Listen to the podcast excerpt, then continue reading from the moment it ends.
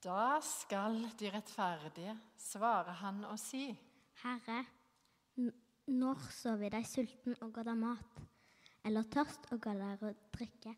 Når så vi deg fremmed og tok imot deg, eller naken og ga deg klær?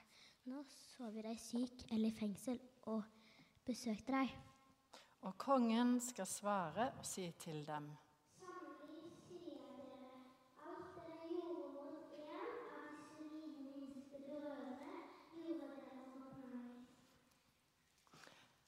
Anne Kristin, mange av dere kjenner henne i menigheten her. Hun var nede i byen og gikk i Haraldsgata en eh, tidlig morgen. Hun skulle møte ei venninne på kafé, og så satte hun seg på en benk. Der satt det allerede en annen mann. Han begynte å fortelle om livet sitt. Om eh, var velfungerende i jobben, hadde familie og hus. Så var han tilskuer til en dramatisk ulykke på jobb hvor flere mennesker døde. Og det satte dype spor i han. Så dype at han ikke klarte å jobbe lenger. Og familien, den gikk i oppløsning. Det som ga han ro på innsida, det var alkohol, som nå var blitt hans beste venn. Han trodde ikke på Anne Kristin når hun sa at hun kom der fordi hun ville prate, snakke. Han tenkte hun er utsendt på et oppdrag fra kommunen eller Frelsesarmeen. Men hun ville være der foran, og hun ville kjøpe en god frokost til han. Det var første gangen han hadde opplevd det.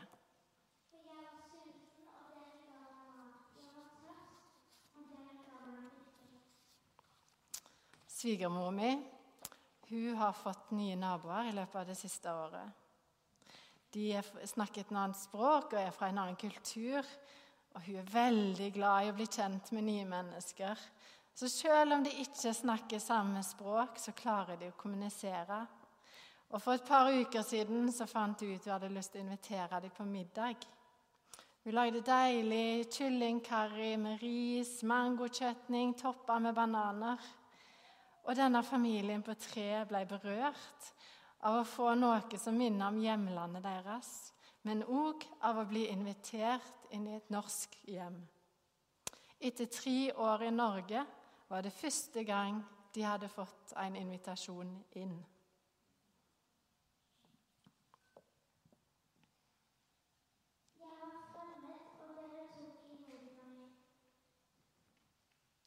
Hilde, dere kjenner Hilde i kirka her. En dag fikk hun en tanke om at disse som sitter i fengsel i Haugesund, hva kunne hun bety for de? Og denne tanken den ville ikke gi slipp. Jeg tenkte på strikka sokker, hjemmestrikka sokker. Tenk om noen kan strikke noen sokker, og det er kjærlighet i hver eneste maske. Og så hadde hun òg lest ei bok om en som hadde vært i fengsel, og så fikk han møte Jesus. Og så ble han satt i frihet. Og ikke først og fremst frihet fra fengselsmurene, men at livet hans, hjertet hans, ble fritt. Hun kunne ikke la være å, gå på denne tanken her. Hun visste hun hadde vært i fengselet før, og merka idet hun nærma seg fengselet, hvordan blikkene til de rundt henne studerte henne. Er det sønnen din som sitter der, eller mannen din? Hva er det de har gjort galt? Skammen som hun kjente på idet hun nærma seg fengselet. Og idet hun skal ringe på det høye murer rundt og kjenne den fengsla følelsen, tatt fra friheten. Og midt i disse følelsene som de innsatte kjenner på, så kan hun få lov å gi hjemmestrikka sokker. Hun kan få lov å gi en bok om frihet, og hun gir en bok om Han som satte fri, altså Bibelen. Og kanskje dette kan få lov å gi disse fangene håp om framtiden.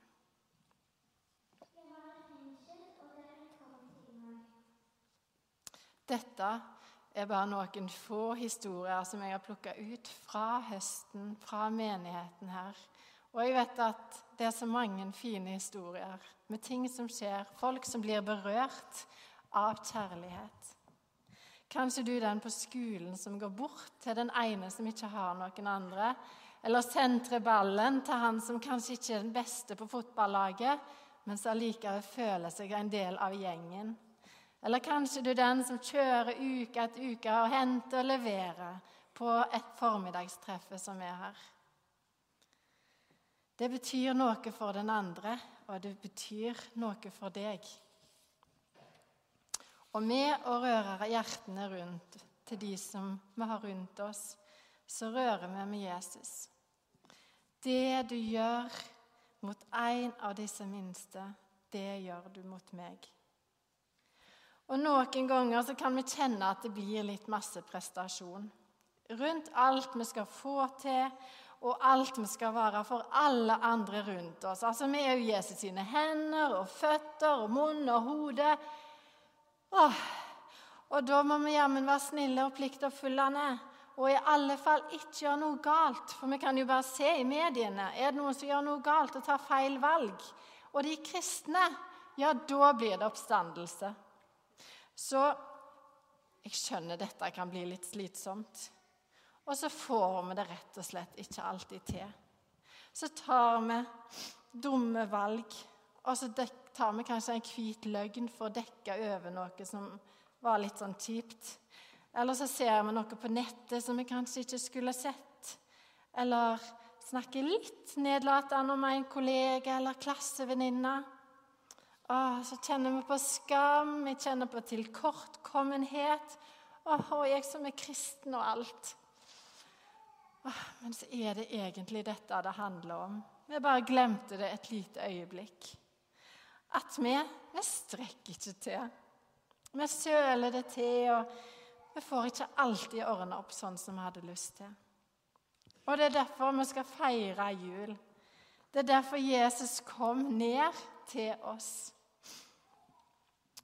Var det for at vi var så flinke og skulle få belønningen vår?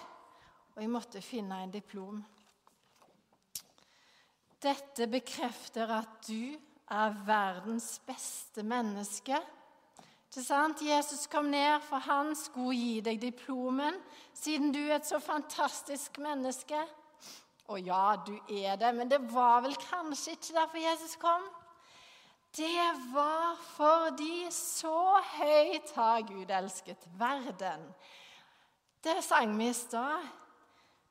Og han elsker oss menneskene så høyt. Og han så at vi trengte hjelp. Vi så rota det litt til. Så høyt elsker han oss at han sendte det mest dyrebare, gutten sin, ned. Så skulle han bli født i det fattigste av det fattige. Bare Kjeksdalen. Og dere har sikkert vært i en fjos. Det stinker. Det er skittent, det er kaldt, og der skulle fødselen være. Der skulle han bli født.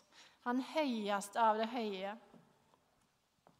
Og Gud visste han skulle bli ledd av, han ville bli avvist. Han måtte lide og kjenne på smerte, skam og til slutt dø. For å ordne opp i dette rotet, og når vi bare ikke helt får det til, og kanskje bare sitter hjemme og ikke orker å løfte en finger, så var det derfor han kom. For så høyt har Gud elska verden. For så høyt har Gud elska deg. Og derfor med frimodighet, sjøl når det ikke alltid går etter planen, så kan jeg vite at jeg er fylt og helt elska. Når jeg er et mess, og som jeg sa, når jeg ikke orker å gjøre en ting for naboen så er jeg akkurat like masse verdt. Og så er det det, når vi skjønner det, så er det Kanskje skjønner vi òg det som Paulus skriver, at jeg ikke kan la være å snakke og dele om det som jeg har sett og hørt. Og kanskje det er sånn at vi kan kjenne på den der Å, jeg bare må fortelle noe nå. Eller jeg må bare få lov å gjøre noe. Og det er som Hilde sier, at jeg drar ikke på besøk i fengselet fordi at jeg er så snill og flink. Men det er fordi at det gir meg så enorm glede. Og hun får lov å være et lys i mørket. Vil du komme opp med lyset til meg? Og det er nettopp det som vi har som overskrift for denne adventstida som vi skal ha, et lys i mørket. Og mørket det kan være forskjellig for oss alle. Men at Jesus kom ned, for han var et lys for oss. Og så kan vi få lov å være et lys til de rundt oss. Og kanskje spesielt nå i adventstida så er det litt sånn Å ja, så mye skal jeg gjøre, og vi skal ha de og de tradisjonene, og meg og mitt. Det blir litt altoppslukende. Så min bønn i dag og utfordring er å få lov å åpne litt opp, og så tenke jeg hvem er det som jeg kan få lov å være, bety noe for, få lov å gi lys i denne adventstida. La oss be.